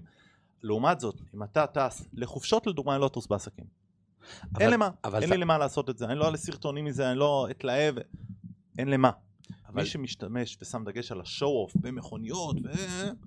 זה אבל המיינדסט, כמו שאתה אומר, כאילו, לדבר עם מישהו אחר, למה הוא טס בעסקים, הוא יגיד לך, תשמע, כי הרווחתי ומגיע לי ואני רוצה, ופה נכון. ושם, אתה אומר, לא חבר'ה, אני בא ואני יושב ואני מדבר, ואני, בגלל שאני יודע שאני בשמונה וחצי צריך להיות במשרד, אני רוצה לישון כל הטיסה, כי אני יודע שהשעת עבודה, החצי יום זה עבודה שיקול שלי, אחר. זה- זה זה זה הסתכלות שיקול אחרת על אחר, על זה הדברים. הסתכלות אחרת. זה הסתכלות אחרת. אמרתי, ב- לחופשות, אני לא אטוס בעסקים, אני לא אטוס ב- בפרימיום. משדרגים אותי בדרך כלל, שוב, כי מכירים אותי וזה, אבל כן. בשביל הפינוק, ואני לא, לא, לא אשלם את זה. והייתה לי שיחה על זה דווקא, על טיסות וזה, ו- ו- היא שאמרה לי, אה, ראתה אותי בטיסה, אמרה לי, מה, אתה לא בעסקים? אמרתי לה, לא, למה אתה לא מתפנק? אמרתי לה, כי הדלתא בין המחלקה, השורה הראשונה ב- באקונום פלוס ל- לעסקים, היא כמו ארבע לילות במלון. נכון. אז היא אומרת לי, אבל זה כסף קטן בשבילכם. אמרתי, א', שום כסף הוא לא כסף קטן, זה, זה עניין של גישה. נכון. וב' למה? כאילו, כן. אני יודע מה זה לטוס בעסקים, נכון. אני יודע מה זה לטוס בפרימיום, כשצריך, כשיש לזה שיקול אמיתי עסקי, שאתה מזהה את הצורך ואתה לא מזהה רק את ה... אה, בדיוק. ולא בשביל לה- להעלות סרטון ולהגיד טסתי ואז זה, זה לא מעניין. אתה יודע, הילדים שלי משתגעים מזה תמיד. למה לא טסים עסקים? כשאתה טס, אתה... אין להם את ההבנה ברור. ש... ילדים, בסדר. שבשמונה הבוקר אני במשרד עד תשע, עשר בערב באותו יום, אני צריך לישון לפני. נכון, כשאני יוצא לחופשה והכל באיזי, אני לא צריך לישון לפני. נכון. זה לא משנה, אז אני מעדיף את הכסף להוציא על מלונות או על, על- על על אוכל, על כן. בדיוק. כאילו הכל, על דברים עכשיו, כאלה. זה, זה עניין ש-90% מה, מאלה שהם מבוססים יגידו לך את אותו דבר. יש את אלה שמגיעים לרמה של מטוס פרטי. בסדר? נכון. גרנט לדוגמה קנה מטוס פרטי. הוא קנה מטוס פרטי והוא מדבר על זה הרבה, לא בשביל השוף. כי הוא אמר מבחינתו, יש לו שני שיקולים, אחד, הוא יכול להגיע לכל מקום מתי שבא לו והוא לא תלוי באף חברת תעופה. שניים, הוא יכול לקחת את הבנות איתו לכל מקום שהוא רוצה. נכון. בלי שיקולים, בלי כלום. זה... זה שיקול אחר. זה כמו שיש יזם בשם אותו עופר ינאי, שעכשיו הוא אחד מבעלי הפועל תל אביב בכדורסל, שגם הוא אחראי על איזה חברה אנרגיה גדולה מאוד בארץ, שכחתי את השם שלה, שהיה את אותה כתבה לא מזמן בחדשות אה, 12, שאלו אותו למה יש לך מטוס פרטי, הרי זה לא אקולוגי, אתה מתעסק באנרגיה ירוקה, אז הוא אומר שיש לך שיחות עם משקיעים בלונדון, בפריז, בדובאי והכל, בשבוע אחד את לא יכולה להסתמך על טיסות סדירות, בדיוק. אתה חייב לבצע את זה אי בטיסות אפשר בעצמך, להסתמך על זה. זה אי בדיוק אפשר. הדברים האלה, יש לי שותף עסקי, אחד השותפים שלי בארצות הברית, לפני שנה היינו שם, והוא הגיע ואמרתי לו, אה, עם איזה חברה טסת? הוא אומר, במטוס. הוא אומר, מה? הוא אומר, כן, קניתי מטוס פרטי. אמרנו לו, למה? הוא אומר, א', זה מוכר במס, אז אין לו כמעט עלויות, נכון, בסדר? ב', הוא אמר, אני צריך, הוא גר במיאמי, אני צריך פעמיים בשבוע להיות בקליבלנד, פעם בשבוע להיות באורלנדו, פעם בשבוע להיות פה. הוא אמר, נראה לך שאני אסתמך על חברות התעופה האמריקאיות? זה בדיוק הדברים האלה, נראה לך שאני אסתמך עליהן? אני לא אצליח לעבוד. בול, הוא אמר, ועוד בטח כשזה מוכר במס, נכון, זה הוצאה מוכ- בארצות הברית, כל הדברים הם מוכרים ב-100%, זאת אומרת, הוא אמר, קניתי מטוס ולא עלה לי דולר מהכיס. כן, זה אז עלה מ- מטעם החברה. בדיוק, אז זה, זה שיקול שהוא הגיוני. כן. שאלה נוספת, נושא המולטיטאסקינג. ה- מצד אחד, הרבה אנשים, כמו שאמרת לפני שנייה, אני צריך לדעת גם את זה וגם את זה, ולהכיר ולהבין גם שיווק וגם מכירות וגם פיננסים וגם ניהול עסק. מצד שני, הרבה מאוד אנשים אומרים, להתמקד. אז במה, במה אתה מאמין? אתה מאמין ב... אתה צריך לדעת לעשות הכל, אתה לא צריך לעשות הכל. תסביר את המשפט. אתה צריך, אם אתה מנהל עסק, אתה צריך לדעת שיווק, אתה צריך לדעת מכירות, אתה צריך לדעת כספים, אתה לא צריך לעשות הכל לבד. בהתחלה אולי אתה תעשה הכל לבד, אם אין לך משאב לשלם למישהו. נכון. אתה לא צריך לעשות את זה לבד. וההתמקדות היא מאוד תלויה, זאת אומרת, אתה יכול להתמקד בתחום מאוד ספציפי ולעשות אותו כל החיים, נכון. ואתה יכול להתמקד, אתן לך שוב דוגמה עליי, בסדר? אני מאוד מולטי דיסציפלינרי. היו לי עסקים בכל מיני תחומים, נכון. והרבה פעמים שואלים אותי למה אתה לא מתמקד בתחום. אני אומר להם, אני ממוקד, אני ממוקד פיתוח עסקי. מבחינתי אם זה פיתוח עסקי של מכללה, של ביטוח, של מרכז רפואי, של נדל"ן. של נדל"ן, ש... זה אותו דבר, ניהול זה ניהול. לא משנה איזה תחום תיתן לי, אני אדע לנהל, כמעט, אני אדע כן. לנהל אותו. את פשוט המיקוד הוא אלמד את בפיתוח... אותו תחום, ה- המיקוד הוא להסתכל על העסק, לנתח את התזרים, לנתח את השיווק, לנתח את הדברים, ולא אכפת לי אם אני מוכר מיקרופון, טלפון, עט או עציץ. נכון. זה, אתה אומר, זה, זה אותו סיסטם, המוצר בסוף הוא שונה וצריך לבצע התאמות בדיוק. אליו. בסוף אתה צריך את ה- את ה- ל- למכור מוצר או שירות כלשהו, כן. וזה לא משנה מהו. אז זה, זה מיקוד, אני רואה את זה בתור מיקוד, ניהול. הקמת לגמרי. עסקים וניהול. זה שזה מאוד מולטי דיסציפלינרי, מה לעשות, זה המוצרים. נכון, קח את אה, עמוס שפירא, בסדר? אחד המנהלים המוערכים בארץ. נכון, נייר, חדרה, נכון. נייר. כן. סלקום, סלולר, אל על, תעופה. תעופה, ועכשיו הוא יושב ראש חבר הנאמנים דתי בחיפה, כן, אקדמיה. בכלל. מה הקשר? ובכולם הוא נחשב למנהל מדהים. אז זה, זה בדיוק הדבר הזה. ולפני זה חוגלה, גם עוד נכון. מוצרי... אה, ה- המיקוד, המיקוד הוא ניהול. הוא בניהול. ניהול עובדים, פיתוח עסקי, ו- ויצא לי לדבר איתו הרבה. והוא, והוא אמר לי את אותו דבר, הוא אמר, אני, ה- המיקוד שלי זה ניהול, זה אנשים. כן, מה שאני מוכר זה לא רלוונטי. זה, זה, בדיוק, ה- זה בדיוק הדברים האלה. הוא אומר, הוא אמר לי, אני לא הולך ל- ל- למכור חבילת סלולר, אני לא הולך למכור נייר לבית דפוס. אני מנהל איך, אני מנהל. איך עושים את זה? כן. ולכן המוצר הוא לא רלוונטי. כמה תואר בעיניך היום זה משהו שהוא חשוב בתור בן אדם שיש לו מכללה פרטית שמנהלת המון דברים שהם לא מלמדים באקדמיה. כל הדברים האלה נכון. שהיום אה, עושים, שמבחינתי זה- זו שליחות מדהימה. כמה היום תואר הוא נחוץ למקצועות שהם לא עריכת דין, ראיית חשבון, אה, רפואה, כל מיני... נס- נשים בצד את המקצועות שמצריכים תואר, כי זה דברים מאוד ספציפיים. שזה בערך השלושה שאמרתי אולי. כן, יש עוד כמה כן. כן. שמות, מקר... לא משנה, יש עוד כמה, אבל ה- העולם השתנה. כשאנחנו התחלנו עם המכללה לפני 15 שנה, 80% מהסטודנטים היו בעלי תואר.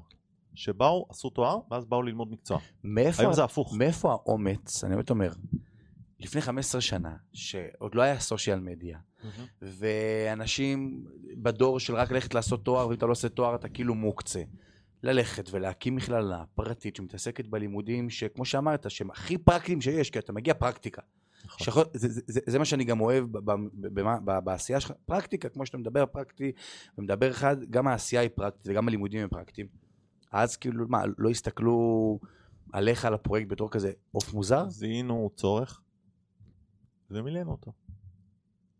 זיהינו צורך. כשאנחנו התחלנו, כל מי שעסק בתחום שלנו, והיו המון, הייתה הצפה של מיליון איש וגופים שעושים את מה שאנחנו עושים, נכון. אבל כולם היו מרצי עם תוש.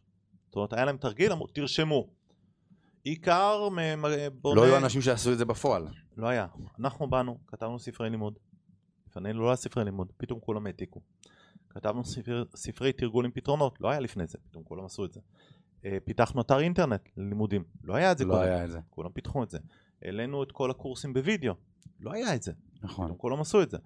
היינו די חלוצים בכל דבר שאנחנו עושים, כי נתנו פתרון לסטודנט. נכון. עשינו לימודים מרחוק, לא שזה- היה את זה. לא היה את זה. פתאום כולם עושים לימודים מרחוק. אז, אז ה- ה- הרעיון הוא לתת צורך אמיתי שיש ללקוחות. היום סטודנט נרשם אצלנו, יכול לצפות בשיעור ב-2 בלילה, ב-12 בבוקר, או, ב- או להגיע לכיתה ב-5 בערב. מה, אני מכיר חברים רבים שלי שלומדים אצלכם מגוון תחומים, ואתה פתאום רואה אותם, ו- וזה גם היופי, ואני גם... אני גם שומע איך הם מדברים אחרי, אחרי שהם רואים הדרכה, ב- בזום לרוב... הד- כמו שאמרת, זה לא מרצה עם טוש, זה בן אדם שעשה את זה בפועל, הלכה למעשה. נכון. הוא יודע להביא מלמטה את הדברים, את הקשיים של בעל עסק ואת הדברים, ולא מה שקראתי בספר לימוד נכתב, מה שנקרא, בדם, יזע ודמעות, נכון, מהעסקים שנלקחו. ומעדכנים אותו כל הזמן, כי כל הזמן לומדים עוד. זה לא ספר, אתה יודע, באקדמיה לפעמים אתה לומד על ספר שנכתב בשנות ה-60. נכון, אז אמנם הפיזיקה ברובה לא השתנתה והמתמטיקה ברובה לא השתנתה, אבל בתחומים שאנחנו פועלים זה דברים שמשתנים ברמה חודשית. ברמה... אז דואגים כל הזמן לעדכן וכל הזמן לחדש ו- וזה הייחודיות זאת אומרת כשהקמנו את זה אה, אה, באנו ואמרנו אנחנו נהיה הכי עדכניים הכי פרקטיים הכי סטרייט פורד שזה... וזה מה שהשוק בסופו של דבר צריך בשוק העבודה זה מקשר אותי לשאלה הבאה, אז איך מזהים הזדמנויות עסקיות, איך מזהים הזדמנויות, אני אשאל הזדמנות עסקיות, הזדמנות השקעה, איך מזהים הזדמנות, איך מזהים צורך, מחפשים מחפשים, פותחים את העיניים פשוט פותחים את העיניים זה משהו שאפשר כן. ללמד לדעתך, או שזה בן אדם, בטח שכן זה מיינדסט מיינדסט, לחלוטין מיינדסט אתה תסביר, יודע ג'- ג'- אה, ריי קרוק זה אחד ממייסדי מקדונלד נכון, נשאל פעם בריאיון מה הם שני הדברים החשובים להצלחה. הוא אמר, הוא שאלו אותו מה הם עשרת הדברים, הוא אמר אין עשרת, שניים. אחד להיות במקום הנכון בזמן הנכון, שזה הכי קל, כל הזמן יש לך הזדמנויות, ויש כל לך מקום- הזמן. כל הזמן. כל הזמן, שניים זה לעשות עם זה משהו, ופה הרוב נופלים. הם רואים הזדמנות, כמה פעמים היה לך בחיים משהו שאמרת יואו אני חייב לעשות את זה וזה, ואחרי ארבע שנים ראיתי את זה, אמרת או חשבתי על זה קודם. אתה חשבת, הם עשו, בול, וזה בדיוק העניין, זה לקבל את ההחלטה, את ההחלטה, ולמה קבל לה- החלטה ולפעול. ולמה להרבה אנשים קשה לדעתך לקבל את ההחלטה? כי מגדלים אותנו בתוך uh, מיינדסט של תיזהר, אל תעשה, אל תיקח סיכונים, אל תחשוב בגדול, מה יגידו, uh, uh, ואם לא תצליח, ואם... זה כמו משפט שאמרתי לה, אני לא אשכח את זה בפרק הקודם שהקלטנו, על אותו ילד בן שלוש, אם הוא היה נופל, והיו אומרים לו, אל תלך שוב פעם, שת- שתיזהר לו ליפול, נכון, כולנו היינו קופים, כל- על ארבע. בול. אבל לא אומרים את זה לילד בן לילד שלוש. אין פחדים. אז למה אומרים את זה לילד בן 18, 19 כי שמנסה... החיים הכניסו פחדים. ו- החיים הפח- הכניסו פחדים, כי שמעת על מישהו ש... הפסיד כמו, בבורסה, לא, התחלתי הפסיד להשקיע בנדל"ן. אמא שלי אמרה לי, למה אתם משקיעים? זה נורא מסוכן. אמרתי, איך את יודעת? חברה שלי אמרה לי ש... אתה יודע, אמרתי, וכמה דירות יש לה? אין לה. אז מאיפה היא יודעת? כי היא קראה בעיתון? בוא, אני הייתי במערכת העיתונות. אני יודע מה זה, קראתי בעיתון. אומרים בעיתון ש... כן. זה בדיוק. לפני שנתיים היא אמרה לי, אומרים בעיתון שהשוק הולך ליפול. ואני רואה אחרת, אני בשוק. נכון? העיתון רואה אחרת, כתב שבדרך כלל לא מבין על מה הוא מדבר. שאולי גם יש לו איזה אינטרס מאחורי הקלעים שדיברנו על זה. נכון. אז איך אני כבר עשר שנים קורא בעיתונים ששוק הנדל"ן הולך ליפול. כן. זה- עשר שנים. מפולת בשוק, עשר זה שנים כמו אני תמיד קורא. שאומרים שיש מפולת בשוק הון, אז לוקחים כתבות של אותו ג'יי פי מורגן ובנק אוף אמריקה מ-2011, 12, 13, 14, 15, 16, כל שנה שאומרים שוק הון עומד ליפול. נכון. אז בן אדם שכבר... מתישהו הם יצליחו. מתי שהם יקלטו, מייקל ברי 2008, ואז הוא אליל, כי נכון? הוא- כי הוא- כי הוא אבל חווה את זה, כל מה שלפני זה הוא פספס, לא אמרו. אף אחד לא זוכר, זוכרים רק את הדבר הזה? טובים. אז איך בן אדם אני יכול שכבר, להגיד לך בוודאות או שהריבית תעלה או שהיא תרד. חותם לך, אחד מהם יקרה. בוא ברור, נדבר עוד שנה, נראה אם צדקתי. כן, ואז תחתוך מהקטע, את הפרק בפודקאסט ותעלה ותגיד הנה צדקתי, בדיוק. זה מה שעושים, זה הסושיאל מדיה. נכון? עכשיו, בן אדם שכבר גדל לקבלת החלטות, נקרא לזה לא בריאה, בן אדם שמבוססת על פחדים ועל מקרי עבר, איך הוא יכול היום לאמץ לעצמו? ידע. ידע? ידע. אמרת מילה חשובה, פחדים. פחד נובע מחוסר ידיעה. אתה לא רוצה לפחד ממשהו? תלמד אותו. אתה נוהג? כן. בגיל 4 פחדת לנהוג? מאמין שכן. אבל למדת מאז, נכון? והתנסית. אז אתה לא מפחד. זה, זה, זה, זו הדוגמה הכי טובה. עזוב, למה? אתה הולך? כן. בגיל שנה פחדת ללכת, חותם לך. נכון. אבל למדת, עשית את זה, המשכת. זה- אם זה אתם כל דבר. רוצים לשים בצד פחד, תלמדו, תתמקצעו יותר בדברים. היום, אמא שלי שואלת אותי, איך אתה לא מפחד להשקיע? כי אני יודע איך לזהות, אני יודע איזה פרמטרים אני בודק, אני יודע איך לבדוק את העסקה, אני יודע איך לנתח את האקסל, אני יודע איך לבדוק את הבנקים, אני... יש לי את ונפלתי הידע. בהתחלה, הכל בסדר. נכון. והיו עסקאות לא מוצלחות, היו עסקאות לא מוצלחות, אבל, אבל, אבל זה בסדר גמור. ככה לומדים. אז אתה אומר היום, נגיד, ניקח לחייל המשוחרר, השתחרר מהצבא, הוא מצד אחד חווה את ההורים ואת הדור הישן שגדלו על מערכת החינוך, על אה, לפחד, אמא שלי, כל אלה. מצד אחד הוא רואה את הסושיאל מדיה, והוא רואה, יש לו מצד אחד איזה חוסר הבנה, הוא רואה את ההוא שטס לדובאי במטוס אה, בחלק עסקים כן. כדי, וסוחר את הלמבורגיני שם, והוא שומע נגיד את הפודקאסט הזה, והוא כולו מבולבל. מה הצעד הראשון שצריך לעשות? הוא צריך... מה? קודם כל להבין, אין דרכי קיצור. תאמין לי, שזה 30 שנה אני מחפש. אין. אם היו, הייתי מוצא. שאני חושב שברגע, אגב, שגם אני הבנתי את זה, ואני בטוח שכל בן אדם יבין את זה, חייב השתנו, על לעשות את הכסף המהיר, אין לעשות את דבר כזה המכה, כסף מהר. אין. אין, אין דרכי קיצור. לא, זה באמת לא כדי עובד. להצליח צריך עבודה קשה, זה לא אומר המון שנים ולא אומר עבודה, צריכים סבלנות עבודה, צריכים והתמדה. סבלנות, צריך להתמיד, וזה הצלחה אמיתית, נכון. בסדר? כל מי שמראה, אז לא אגיד כל, בסדר? 99 אחוז מאלה שמראים לך, אני על הקורבט החדשה שלי, אה", זה סחור, או שזה לא שלו, וזה חרטא, בסדר? הבת שלי באה איזה יום אחד ו- והראתה לי סרטון על זה, ילד בגילה שהוא חי בדובאי, והוא מרוויח כסף, והוא עושה שיווק וזה. אמרתי לה בואי, בואי נבדוק, בואי נבדוק את האמת מה עוד זה, נוסע במכוניות, אה." אמרתי לה קודם כל ברור לך שאסור לנהוג על מכונית? זאת אומרת, עשה את הסרטון הזה באיזה מגרש סגור? נכון. לא אבל הוא אומר, עזבי מה הוא אומר, ברור לך שאסור? כן. עכשיו דובאי זה לא ישראל, שיהיה בסדר, נכון. זה תופסים אותו זה מורידים לו את הידיים, נכון. שתיים, בואי נעשה גוגל ונראה מה הוא עושה בחיים, חוץ מעמוד טיק טוק שלו, על כמה הוא טוב וכמה הוא, אין שום אזכור על הבן אדם, כן. אין איזו עיתונות כלכלית שסיקרה אותו. נכון, עכשיו, אין- היום זה נורא קל, הכל פה, כן. לא צריך ללכת רחוק. אתה רוצה להכיר מישהו, לדעת מה הוא עשה ומה לא. תבדוק. זה, אגב, זה בדיוק הדברים האלה. זה מספיק שעושה גוגל קטן, אתה רואה עם כל הגוגל זה כתבות ממומנות שהוא קנה באתרים מסוימים, או שעכשיו סיקרו אותו קריאה ביקורתית. בול. זה, זה, זה, קריאה ביקורתית. זה היכולת אם, הוא הזאת. כתב, אם יש כתבה בעיתון גדול, לראות רק למעלה בשיתוף עם, או אם זה כתב אמיתי. בול. לראות אם זה... כי אם הוא שילם, בוא, בוא, אני אעשה איתך תרגיל, בסדר? אתה רוצה היום לחשב הפודקסטר מספר אחד בארץ? או... תביא 50 אלף שקל, יהיה לך כתבות בערוצי טלוויזיה, הכל. חדשות, הכל. אתה לא צריך הרבה היום, פותח, פותח את אולפן שישי עם אמא שלי ואבא שלי בשישי הקרוב. לחלוטין. היום הכל כסף. היום אפשר לקנות הכל. הכל. יש, נכון. אני מ- מכיר ולכן ממשווקים, צריכים קריאה ביקורתית. שזה בדיוק הדברים האלה. קריאה ביקורתית. שאז איך אני, דיברנו על החייל המשוחרר, איך אני מזהה את הלמידה? השתחררתי מהצבא, אני צריך כמה שיותר ללמוד, לקרוא ספרים, לצבור ידע, לקחת סדנאות, ל- לראות הרצאות, לשמוע פודקאסטים.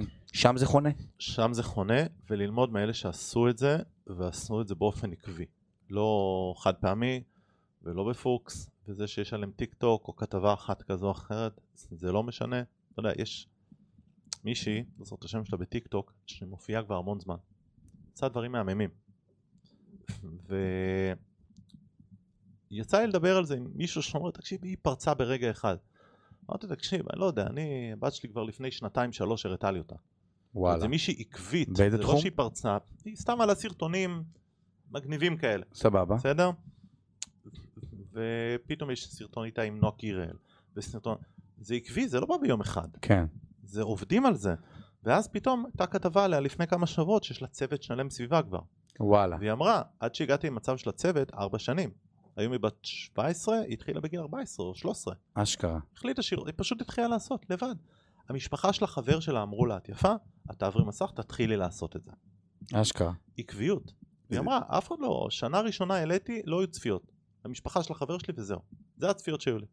עקביות. זה בדיוק כמו שרואים את כל הסטטוסים של כל הראפרים שנגיד הם מצליחים, היה את הדוקו על טרוויס סקוט בנטפליקס, לא משנה מה שאתה רואה זה ציוץ בטוויטר שהוא מעלה, איזה כיף יש לי 50 מאזינים לשיר הראשון שלי, אתה רואה את זה כזה ב-2009. כן. והיום ברור שהוא ממלא את המדיסון סקוויר גארדן, כי הבן אדם לא נורמלי, עקבי. אבל הוא כבר 14 שנה בתחום. נועה קירל, הזכרנו קודם. נועה קירל, בעקביות ובעבודה קשה מגיל 8-9, נכון. כולנו גדלנו איתה כזה. נכון? אה, כן. 8-9. מתי היא פרצה? כשהייתה בת 16, נכון. 15. אבל היא 6 שנים לפני זה עובדת קשה. ושש שנים לפני זה היא היא קורעת התחת. שזה, השאלה שלי אם כל אחד יכול באמת להיות ככה ברמת המיינדסט, ברמת ההתמדה, ברמת ההסתכלות על התמונה הגדולה, זה ללמוד ולהבין שאפשר. וברגע שאתה לומד ואתה מבין שאפשר, שאם מישהו עשה את זה, שאלה זה הייתה. אפשרי. אם מישהו עשה את זה, זה אפשרי. נקודה. מישהו עשה את זה. נכון. בוא, 93% מהמיליארד... נתונים של פורבס, 93% מהמיליארדרים בעולם לא נולדו לכסף. 87% מהמולטי מיליונרים בעולם לא נולדו לכסף. אז מה זה אומר לי? שזה אפשרי, כי 87% מהמולטי מיליונרים בנו את ההון שלהם לבד. נכון. שזה נמצא... אז, אז מישהו עשה את זה, אם מישהו עשה את זה זה אפשרי. עכשיו השאלה היא איך ועד כמה אני מוכן לעשות את מה שצריך. זה השאלה. וזאת השאלה. כמה אתה כמה אני מוכן, מוכן להקריב, להקריב? כדי להצליח. אני ב, ב, בלידה של הבת הראשונה שלי, נולדה בבוקר, אני באותו צהריים כבר הייתי במשרד ובערב הרציתי. ב- אצל הילד השני שלי, אני הרציתי באותו יום. שזה אנשים, אנשים יכולים לשמוע את המטה להגיד כזה, כן נועם אבל טיפה זה, אבל אז אני אומר, בשביל להיות מישהו קיצוני, צריך לעשות מעשים קיצוניים, בשביל להיות מישהו שהוא מאסיב אקשנס. בדיוק מאסיב בול אקשנס. הדברים פעולות האלה. מסיביות. כן. פעולות מסיביות. הטנקס, תמיד להיות, פעולות מסיביות. זה תמיד להיות אה, שם. כל נושא ה... זה שתי שאלות אחרונות, כי אני יכול לדבר איתך עוד המון, אבל כל נושא התבניות לניהול זמן, אני רואה המון בעלי עסקים, זה שהם, יש להם את הלבנה בבוקר של זמן התארגנות, שש עד שש וחצי. אה, ארוחת בוקר, שש וחצי עד צריך שבע. סדר. זמן עצמי, זמן לידים. סדר ממקד אותך. כן? כן. אתה חושב שזה משהו שהוא הכרחי, אני כל חשוב? בוקר משגע את אשתי. פותח את העיניים, מסתכל לראות אם לא פספסתי משהו דחוף מהלילה, כי אני עובד מול ארצות הברית. אז נכון. הם, הם עובדים עוד כשאני ישן. כל בוקר אני פותח את היום שלי עם הקפה, עם המיילים. מסדר, מתארגן, מסדר את הילדים וזה, כן. כן. מוריד את הילדים עכשיו, עוד פעם, נחזור לזה, בית ספר וזה, פותח, יושב בית קפה עם עצמי, זמן עצמי עובר על מיילים, לראות אם יש דברים דחופים שצריך לטפל בהם, לפני שמתחילים, כי כשהתחיל היום התחיל הבלאגן. נכון. אז יש סדר יום מאוד ברור. תמיד אני צוחק, ש...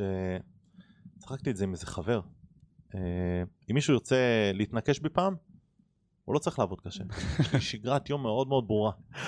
מה אני עושה? במהלך היום אני אסתובב, אני אסע, ופתאום אני מסוגל אבל אם הוא לעצור, רוצה לנסוע לעיר לתפוס לא. הזאת. אותך בקצוות, בקצוות, מאוד מאוד ברור. מאוד קל. איפה אני מתחיל את היום שלי, איך אני מסיים את היום שלי, נורא קל. זה סדר יום, זה זה מה שומר לי על ה- על האיזון. כן. שומר לך על ה... שומר לי אה. על סדר, אני פותח את היום, אני יודע מה מה מתוכנן לי לאותו יום. כן.